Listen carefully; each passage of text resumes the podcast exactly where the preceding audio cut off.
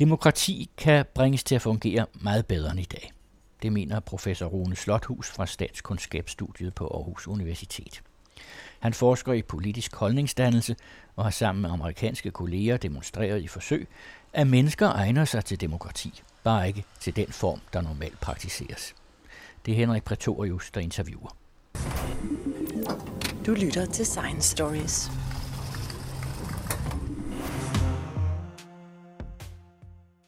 Egner mennesker sig overhovedet til demokrati? Faktisk er det et åbent spørgsmål. Og nogen taler jo ligefrem om i dag, at demokratiet er i krise. Om ikke herhjemme, så for eksempel i USA, hvor debatten er blevet uhyre hård og uforsonlig mellem politiske fløje, men også i Brexit, hvor det britiske parlament til synlandet låste sig selv fast og mistede handlekraft i forhandlingerne med EU. Sker det her, fordi at den demokratiske proces måske i bund og grund slet ikke egner sig 100% til, hvordan vi mennesker er og fungerer? Er der noget rigtigt i, at øh, vælgerne måske har nogle umulige politikere, som man hører nogen sige, eller som man fornemmer, at politikerne nogle gange synes, de har nogle umulige vælgere? Kan det simpelthen være sådan, at der er indbyggede forhindringer i demokrati, som gør, at mennesker har svært ved at finde rundt i det og indimellem bliver forvirret.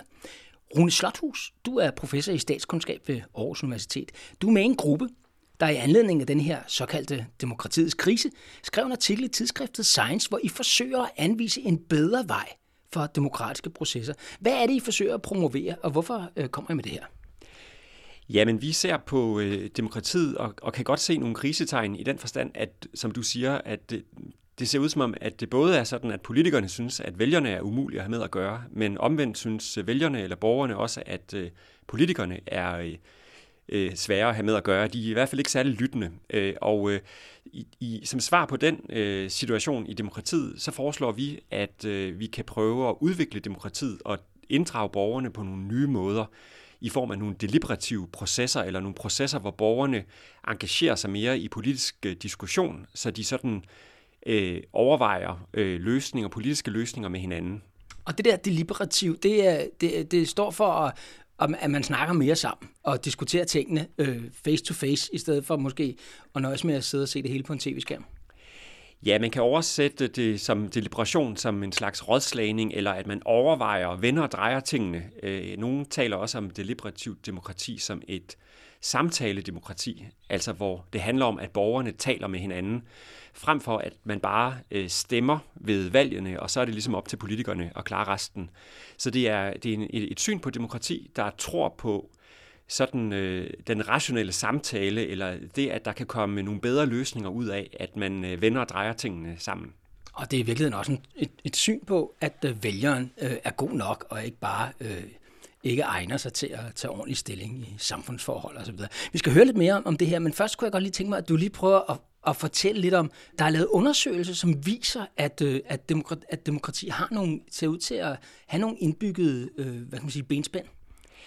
Ja, men det er jo en, øh, en, en gammel diskussion, om, øh, om borgerne nu er øh, ved deres, øh, tilstrækkeligt meget ved deres fulde fem til, at demokratiet overhovedet kan lade sig gøre. Så er, kan vi overlade demokratiet til vælgerne? Øh, kan, vi, kan vi tillade os at inddrage borgerne så meget i de politiske beslutninger, som øh, demokratiet øh, lægger op til? Det er jo en diskussion, der har bølget frem og tilbage siden øh de, de gamle grækere diskuterede demokrati, men øh, i det seneste sådan øh, 60-70 øh, års øh, forskning har vi også øh, nu begyndt med mere sådan øh, øh, solide empiriske øh, metoder, har vi kunne prøve at undersøge, jamen, i hvilket omfang øh, er borgernes øh, politiske holdninger og, der, og hvem de stemmer på, faktisk sådan øh, funderet i øh, solide overvejelser om, om politiske emner. Øh, og der er forskerne i mange år nået frem til nogle øh, ret øh, nedslående konklusioner i den forstand, at øh, et, et klassisk syn i litteraturen er, at borgerne sådan set ikke rigtig har nogle øh, ret sammenhængende politiske holdninger eller nogle ret oplyste politiske holdninger. Med andre ord, jeg sætter bare et kryds og går ikke meget op i, hvad der egentlig er blevet sagt i debatten. Hvad er det for undersøgelser, for eksempel? Kan du, har du nogle eksempler på sådan nogle undersøgelser? Ja, altså der er en, en, en, en klassisk reference inden for øh, øh, statskundskaben er et studie fra begyndelsen af 1960'erne af Philip Converse, der kiggede på, om der er noget system øh, overhovedet øh, i borgernes øh, politiske holdninger, så er der en eller anden form for ideologi eller nogle grundlæggende øh, principper, der der øh, leder borgerne på vej, når de tager stilling til mere konkrete politiske øh, spørgsmål.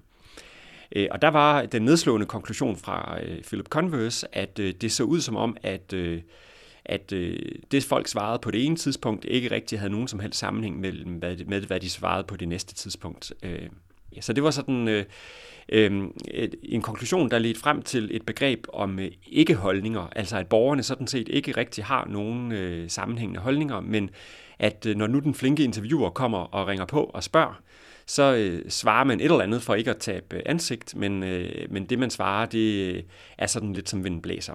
Og det samme skulle så foregå, når man gik til valg?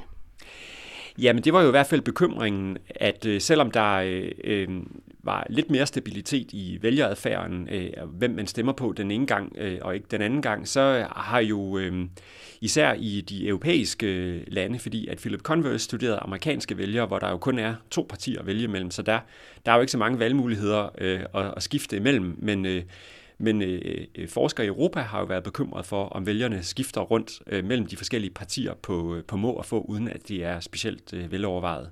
Hvad er der lavet undersøgelser der? Hvad viser de? Jamen, de viser, at, øh, at vælgerne skifter mellem partierne, og det er ikke altid helt til at finde, øh, finde ud af, øh, hvorfor de skifter. Øh, og det bliver så også bakket op af, nogle, øh, af en anden slags øh, forskning, hvor man har set på, hvad, øh, hvad politiske debatter og politisk øh, mediedækning øh, betyder for borgernes holdninger. Øh, og der har man også fundet, at øh, alt efter hvordan øh, journalister eller politikere vælger at præsentere øh, en sag, øh, Øh, så kan borgernes holdninger også skifte ret meget. Et eksempel på sådan et studie, som jeg øh, selv har gennemført, kan være at, at kigge på en politisk sag som øh, loftet over kontanthjælpen. Der lægger en, en grænse på, hvor mange øh, penge man kan få, hvis man er på kontanthjælp. Øh, og det er jo et spørgsmål, som forskellige øh, politikere og forskellige journalister kan, kan udlægge på mange forskellige måder. Men øh, hvis det er sådan, at det er øh, udlægningen af sagen om, at øh, loftet over kontanthjælpen fører til, at flere bliver fattige, øh, så er der ikke så mange, øh, der synes, at det er en god idé at have det her loft over kontanthjælpen. Men øh, hvis man derimod fremhæver øh, et andet aspekt af debatten, nemlig at øh, det jo også skal kunne betale sig at arbejde, og at loftet over kontanthjælpen sikrer, at flere at det bedre kan betale sig at arbejde for flere, så er øh, borgerne øh, meget mere øh, positive, selvom det er jo en af de samme politiske forslag, øh, debatten handler om. Men det er da vel netop fordi, at øh, vælgerne opfører sig nogenlunde fornuftigt. De lytter efter det bedste argument. Jamen det er jo øh, øh, spørgsmålet, om man skal fortolke de her øh, svar sådan, at øh, vælgernes holdninger øh, øh, skifter som vinden blæser. Så hvis det er det ene argument, der er fremme i debatten, så mener befolkningen én ting. Øh, hvis det er øh, det andet argument, der er fremme i debatten, så mener befolkningen noget andet.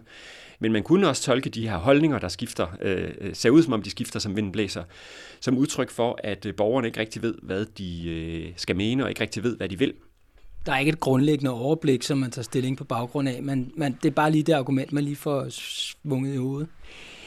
Øh, ja, man kan jo, øh, man kan jo, og det er jo her øh, politikernes eller den politiske, den politiske elites skepsis over for folkets mening nogle gange øh, kommer frem at øh, man kan jo godt som politiker spørge, hvorfor skal vi egentlig lytte til, hvad, øh, hvad befolkningen øh, mener, hvis, øh, hvis det ser ud som om, at hvad befolkningen siger på det ene tidspunkt, øh, det, øh, det ikke rigtig øh, hænger sammen med, hvad, man, hvad befolkningen så mener på et senere tidspunkt. Og det er også et argument for, at mange politikere er tilbageholdende med at, at sende øh, spørgsmål til folkeafstemning.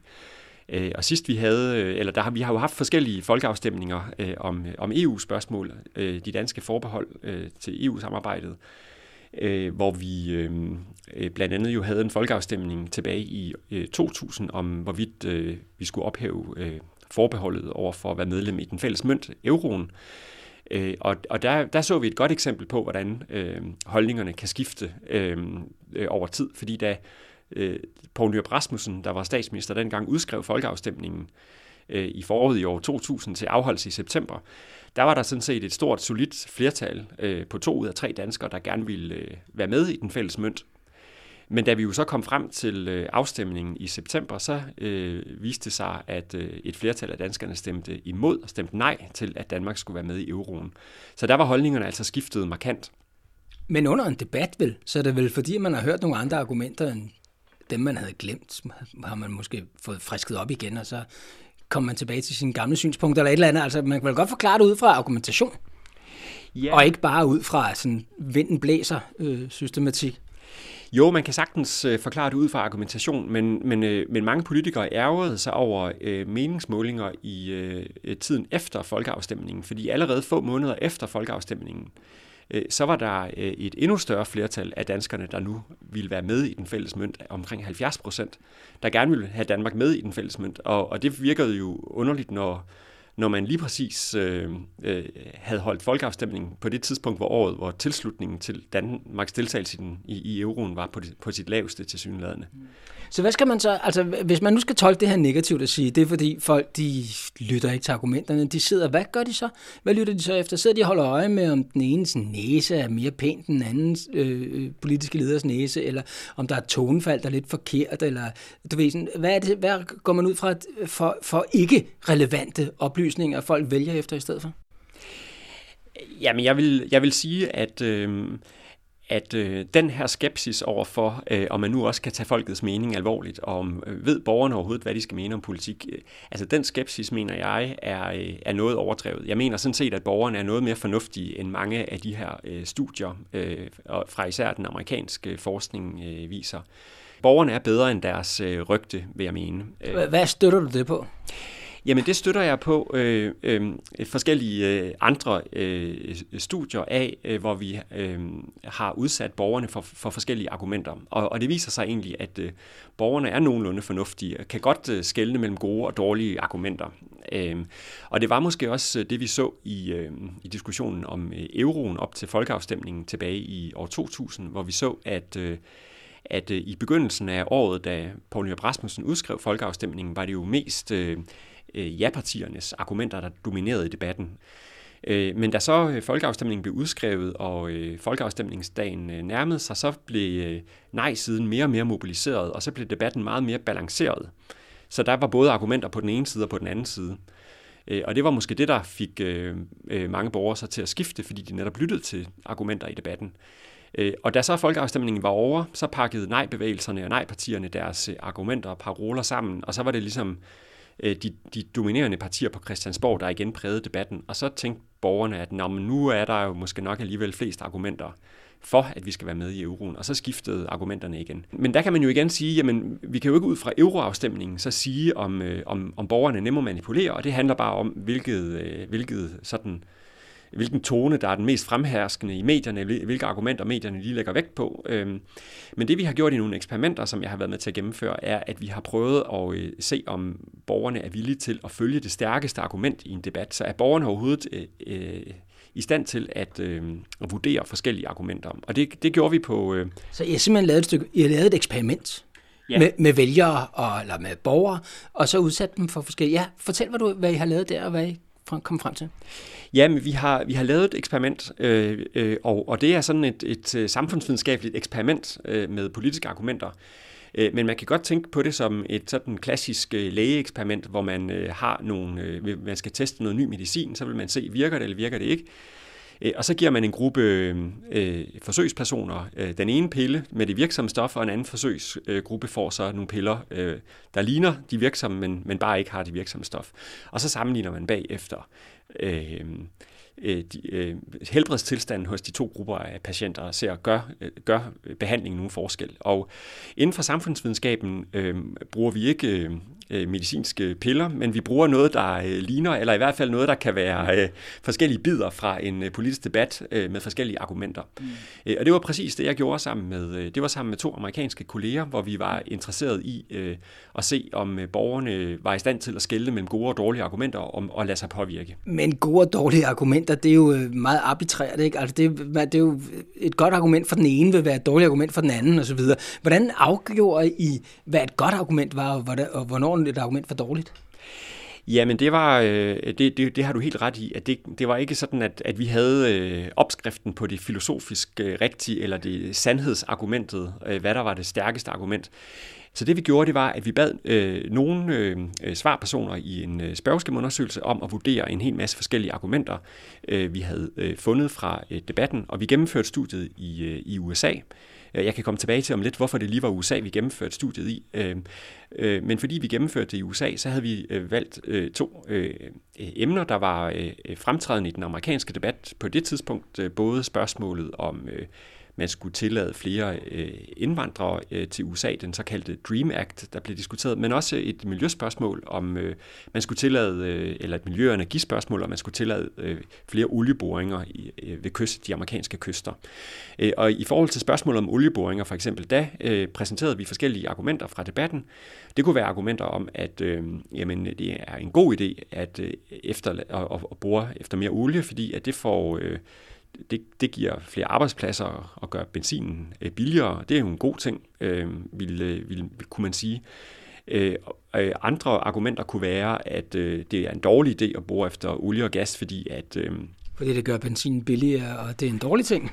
Ja, så kunne man sige, at der er klimaargumenter, og det var præcis øh, argumenter om, at, øh, at hvis man øh, øh, borer efter olie og gas, jamen så øh, kan det jo skade øh, naturen, øh, og det kan også øh, føre til øh, nogle farlige arbejdspladser. Øh, så det var sådan et argument, som, som vores øh, undersøgelse øh, viste, at det synes vores svarpersoner egentlig var, var, var to gode argumenter. Altså flere arbejdspladser, billigere benzin, det betragtede de som et godt, stærkt argument, der var overbevisende i forhold til flere øh, olieboringer, hvorimod øh, det her argument med, at det skader miljøet og, og, og gør arbejdspladsen farlig, det, det betragtede de som, øh, et, et, et stærkt overbevisende argument imod olieboringer. Så i, så i stedet for selv, at I selv sætter jer på den beslutning om, hvad, hvad er et godt argument og hvad er et dårligt argument, så spørger I simpelthen bare folk, det her argument, er det godt, er det dårligt, det her argument, er det godt, er det dårligt, osv. Og så har I så en serie af gode argumenter og en serie af knap så gode og dårlige argumenter, og så kan I begynde jeres eksperiment. Ja, fordi at for eksempel var der et, øh, det, et af de dårlige argumenter, var, at, at, øh, at man skulle lade være med at lave flere olieboringer, fordi at de her embedsmænd, der sad øh, hos myndighederne og skulle holde øje med det her, de synes egentlig, de havde mange andre ting at holde øje med, så de havde ikke brug for flere olieboringer at holde øje med. Men det vi så gjorde, det var at tage de her overbevisende argumenter og ikke så overbevisende argumenter, øh, og øh, øh, stille dem op over for hinanden øh, i, i forskellige debatter, som vi jo så pakkede, øh, pakkede ind som små piller, vi kunne give øh, deltagerne i et eksperiment. Øh, og der viste sig, at øh, hvis vi øh, øh, tog det stærke argument øh, for olieboringer med arbejdspladser, billigere benzin, over for et, øh, et argument, som bliver betragtet som ikke særlig overbevisende eller lidt fjollet, øh, nemlig at de her embedsmænd synes, at de havde nok at se til, så hvorfor skulle de øh, give tilladelse til flere øh, olieboringer? Jamen så kunne vi se, at borgerne øh, i sådan en debat, hvor de hørte lidt på den ene side, lidt på den anden side, tog efter det stærkeste argument. Og, og tilsvarende, hvis vi... Og var det uanset politisk holdning? Fordi de her ting er jo også delt i USA, for eksempel klima. Det er jo delt op i, i, i grundlæggende politisk høj, øh, om hvorvidt man tilhører højrefløjen eller venstrefløjen i USA osv., øh, olieboring osv. Alle de der ting, det er jo, det er jo dybt betændte emner i amerikansk politik. Øh, ja, og det, er jo, øh, og det har du fuldstændig ret i, og det er en vigtig pointe, at øh, både de, øh, de vælgere, der vil stemme på øh, republikanerne, og de vælgere, der øh, vil stemme på demokraterne, var med i vores undersøgelse, og de... Og begge grupper reagerede på det stærkeste argument. Så selvom det var sådan, at i den rigtige debat var republikanerne tilhængere af flere olieboringer, og demokraterne modstandere af flere olieboringer på det her tidspunkt, jamen så var både demokrater og republikanere villige til at ændre deres holdning i retning af det stærkere argument, hvis det var sat over for et svagt argument. Og det synes jeg jo øh, er et meget opløftende forskningsresultat, fordi det viser, at øh, borgerne er i stand til at skelne mellem øh, gode og dårlige argumenter og være villige til at følge det, øh, det gode argument, også selvom det måske går imod, hvad deres øh, parti øh, ville sige. Så du ser håb for den demokratiske proces i virkeligheden. Det kan godt være, at folk i virkeligheden egner sig til demokrati, som vi startede med, og som jeg startede med at stille spørgsmålstegn med, øh, i, i, ud fra sådan et eksperiment. Hvad er det så ved jeres eksperiment, der gør, at de pludselig tager øh, fornuftig stilling, i stedet for måske knap så fornuftig stilling, som det ser ud, i hvert fald udefra amerikansk politik ser ud til at være fuldstændig frosset fast imellem de her, øh, de her fløje, som bare hader hinanden? Jamen det vi, øhm, øh, grunden til, at vi øh, gennemførte eksperimentet i USA, var også, at øh, vi udover at være interesseret i, om, om, om det ene eller det andet argument havde større eller mindre betydning for borgerne, så var vi også interesseret i at se netop, hvordan den her øh, stærke polarisering mellem øh, de politiske partier i USA øh, har betydning for den måde, borgerne tager stilling på. Øh, det var derfor, vi gennemførte det i USA, fordi at polariseringen eller øh, striden mellem øh, republikanere og demokrater er så stor i USA. Og det var derfor, at vi havde i vores eksperiment havde vi ikke kun en, nogle forskellige argumenter, vi præsenterede, men vi præsenterede dem også i, i forskellige politiske sammenhænge, kan man sige, hvor vi for nogen deltagere i eksperimentet bare gav argumenterne for og imod, uden at nævne noget som helst om partierne. Så det var sådan den, hvad kan man sige, den, den, den sterile laboratorieudgave af, af en politisk debat øh, uden partierne. Men, øh, men andre deltagere øh, gav vi en mere realistisk øh, øh, politisk debat, hvor de politiske partier også var på banen. Mm, hvad betyder det for resultaterne? Jamen der kunne vi se, at, øh, at øh, på trods af, at, øh, at både republikanere og demokratiske vælgere her fik at vide, hvad deres parti øh, stod for, så var, de, øh, var, var vælgerne stadigvæk villige til at gå imod deres partis standpunkt og følge det stærkere argument, så længe partierne blev beskrevet som uenige, men ikke nogen, der sådan stod meget stejlt og polariseret over for hinanden. Man kunne sige, at vi, vi tegnede sådan et klima af, hvad vi i Danmark vi kalde et samarbejdende folkestyre. Øh, og, og selv i den situation, hvor, hvor borgerne altså kendte deres eget partis øh, standpunkt, øh, var de villige til at gå imod deres eget partis anbefaling og følge det stærkere argument, hvis det stærkere argument kom fra partiet på den anden fløj. Mm, og det tyder godt for demokratiet. Og hvad har det med det her deliberative demokrati, som du talte om øh, i begyndelsen at gøre? Øh, jamen det har øh, det med det at gøre, at øh, den politiske kontekst eller rammerne for en debat har øh, rigtig stor betydning, fordi at øh, vi, øh, der var en, øh, et tredje sæt af, af, af eksperimentelle øh, betingelser eller, eller piller, vi gav til vores øh, deltagere her, og det var, hvor partierne var, ikke bare var uenige, men også var meget polariseret, altså stod meget stejlt over for hinanden, hvor der var en dyb kløft mellem partierne. Og i den situation øh, forsvandt betydningen af argumenter fuldstændig. På trods af, at øh, nogle gange var det det modsatte parti, der havde det, det stærkeste argument. Og det tyder jo på, at den måde politikerne debatterer på, øh, Øh, har rigtig stor betydning for øh, borgernes øh, politiske stillingtagen. Ja, altså jo mere øh, politikerne demoniserer hinanden og hinandens partier osv., jo mindre øh, lytter befolkningen efter argumenter og stemmer efter, hvad kan man sige, mere det, den form for identitet, der ligesom er i, at jeg er venstreorienteret, eller jeg er højreorienteret osv. Ja, det er lige præcis øh, den der betydning af øh, identitet, eller det at føle sig som en gruppe, eller det, som nogen også taler om, at man føler, man tilhører en bestemt øh, stamme, så man uanset hvad forsvarer man sin egen gruppes øh, synspunkter. Øh, det ser vi i høj grad i amerikansk politik mellem de politiske partier. Det ser vi også for eksempel i Storbritannien nu mellem øh, øh modstanderne og tilhængerne af Brexit. Vi ser også tendenserne til det øh, herhjemme i Danmark, især i løbet af en valgkamp, øh, at der er øh, den her tilbøjelighed til at forsvare sin egen gruppe, øh, mm. sit eget parti. Men, men det er jo lige præcis her, at ideen øh, om øh, det deliberative demokrati øh, kommer ind og kan, kan gøre noget, øh, noget spændende for demokratiet.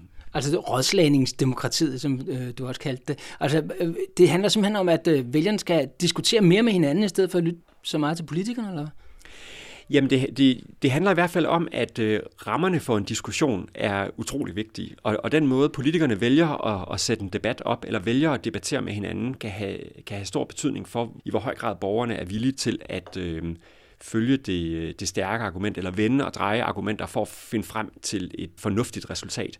Øh, og det er lige præcis her, at øh, ideen med deliberativt demokrati, eller samtaledemokratiet, øh, kommer ind. Øh, hvad er forskellen på sådan en proces, og så den, hvad kan man sige, mere normale demokratiske proces, hvor der er nogle tv-debatter, og man sidder derhjemme i stuen og, og er ved at få kaffen galt i halsen over det, der bliver sagt? Jamen, der er lavet forskellige forsøg med at prøve at øh, få idealet om det her samtaledemokrati til at fungere i praksis. Øh, I hvert fald i sådan mindre skala. Øhm, og det handler om, at man bringer nogle borgere sammen, og så får man dem øh, til at diskutere med hinanden over længere tid. Og et rigtig godt eksempel på det er, at de er forskellige folkehøringer, der er blevet gennemført her i Danmark. Og, og ideen med sådan en folkehøring er, at man inviterer et repræsentativt udsnit af danske borgere, til at være med i, i en stor diskussion hen over en weekend. Øhm, så man kan sige, at det er en slags øh, højskole, hvor borgerne øh, bliver øh, inviteret. Øh, man, man finder et repræsentativt udsnit af borgerne via øh, sådan en, en, en meningsmåling med, med et, et bredt udsnit af befolkningen, og så spørger man øh, nogle af de her borgere, har, har I lyst til at være med, komme og bruge en weekend på og øh, diskutere et øh, emne. Og øh, de borgere, der er med, får præsenteret øh, forskellige oplysninger om emnet, for bliver, bliver klædt godt på øh, med fakta, men får også præsenteret øh, forskellige argumenter øh, i, øh, på emnet, øh, præsenteret af, af forskellige politikere, eller forskellige eksperter, eller forskellige repræsentanter for nogle interesseorganisationer. Øh, og øh, undervejs i sådan en diskussion, øh, Øh, vil borgerne så også i mindre grupper øh, debattere med hinanden. Og det, det man finder, det er, at øh, det gør en hel masse øh, godt for den demokratiske øh, samtale, og en hel masse godt for borgernes holdninger. Mm-hmm. Og det er den her type proces, som du og amerikanske kollegaer for nylig har peget på i Science. Prøv at høre, der er altså den her vej at gå. Hvis øh, man synes, at demokratiet er meget i krise, så kunne det her være en måde at få demokratiet til at fungere på igen. Men umiddelbart, så skal jeg jo så for at kunne tage stilling til næste, øh, i næste valg, øh, så skal jeg igennem sådan en proces, hvor jeg bliver inviteret til en større øh, diskussionsfest. Øh, og jeg skal jo også passe mit arbejde, og der er folk, der skal hente børn og ikke har tid, og jeg skal komme efter dig. Det er jo en meget besværlig måde at lave demokrati på. Er det praktisk? Er det overhovedet muligt at gøre det sådan i stor skala? Jamen det er selvfølgelig en besværlig størrelse, som man ikke øh, nødvendigvis kan rulle ud i hele befolkningen, men jeg synes jo, øh, givet den øh, skepsis, der er over for, om borgerne nu er tilpas kvikke til at kunne blive taget alvorligt i politiske diskussioner, synes jeg, det er, det er meget opløftende at se trods alt, hvad er potentialet, hvad, hvad, hvor langt kan vi komme, sådan hvis man nu sørger for at anstrenge sig for at, at lægge en debat til rette på en måde, så borgerne kan Øh, Øh, kan engagere sig i en diskussion. Øh, og der finder vi altså fra de her øh, folkehøringer og, og lignende typer øh, forsøg, der er gjort rundt omkring i, i, i verden, at, øh, at, at det at mødes på sådan en højskolemanér og engagere sig i et samtaledemokrati, det har en masse fornuftige, eller masse gode øh, og fornuftige effekter på borgernes holdninger. For eksempel øh, føler borgerne sig bedre øh, oplyst. De forstår bedre, hvad selv komplekse emner som klimaspørgsmål eller EU øh, går ud på. Øh, men det viser sig også, at øh, borgerne er øh, villige til at skifte mening, øh, og ikke bare skifte mening, men også skifte mening på en måde, så der kommer større sammenhæng i deres holdninger. Altså at, at når, når borgerne mener, at, øh, øh at, øh, at det offentlige skal tage sig af en ting, hænger det også sammen med, hvordan, hvad de mener om andre spørgsmål. Øh, og det er jo noget, der går stik imod, hvad, øh, hvad sådan det klassiske studie af Philip Converse fra 1960'erne øh, gik ud på, altså det her med, at borgerne, borgernes holdninger strittede bare i øst og vest. Der finder man her i de her øh, deliberative øh, øh, forsamlinger, at, øh, at borgerne rent faktisk øh, øh, kan danne nogle mere sammenhængende holdninger. Øh, og så er der en ting mere, som, øh, som også er værd at huske på, øh, og, og det handler om, at øh, at deltagerne i de her samtaledemokratiske øh, knæbøjninger også øh, bliver mere tolerante over for hinanden, så de bliver mere åbne over for, hvad øh, dem, der egentlig er uenige med dem, øh, mener, og kan, kan i højere grad se fornuften i, at øh, andre mennesker mener noget andet, end det de øh, måske selv mener. Mm-hmm. Det lyder som en win-win, men bare en meget dyr løsning. Ja, det er en meget dyr løsning, i hvert fald i øh, energi og kræfter, der skal bruges på det. Og, og det, som du også øh, sagde før, så er det jo langt fra alle borgere, der har lyst til at engagere sig i det, og det er jo, det er jo nok ikke praktisk muligt i stor skala. Øh, men jeg synes alligevel, det er værd at øh, kigge på de øh, øh, studier, der er, altså nogle deliberative øh, eller samtaledemokratiske øh, forsøg rundt omkring Øh, fordi det kan hjælpe os til at, øh, at se netop øh, potentialet eller mulighederne, hvad borgerne kan, hvis de bliver øh, øh, får de rette betingelser. Øh, så man kan sige, at for at besvare det spørgsmål, jeg stillede i begyndelsen, egner mennesker så overhovedet demokrati? Ja, det gør de, øh, sådan set, men øh, ikke den form for demokrati, som øh, eller den der, det der cirkus, som nogle gange øh, kører hen over tv-skærmen. Det skal være et ordentligt demokrati, hvor folk er engageret, og hvor vi får lov at alle sammen at diskutere politiske emner og så videre, og få prøvet vores påstande af og så videre. Så virker demokrati faktisk, og så får man nogle bedre beslutninger. Det er det, I siger, og det er det, I peger på her i Science.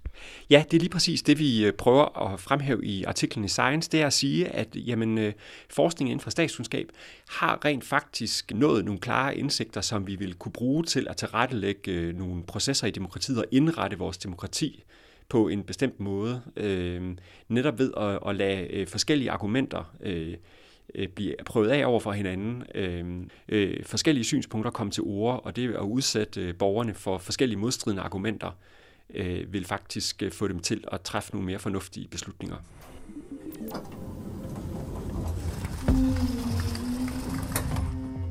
Det var videnskabsjournalist Henrik Pretorius fra Science Stories, som talte med professor Rune Slothus fra statskundskabsfaget på Aarhus Universitet.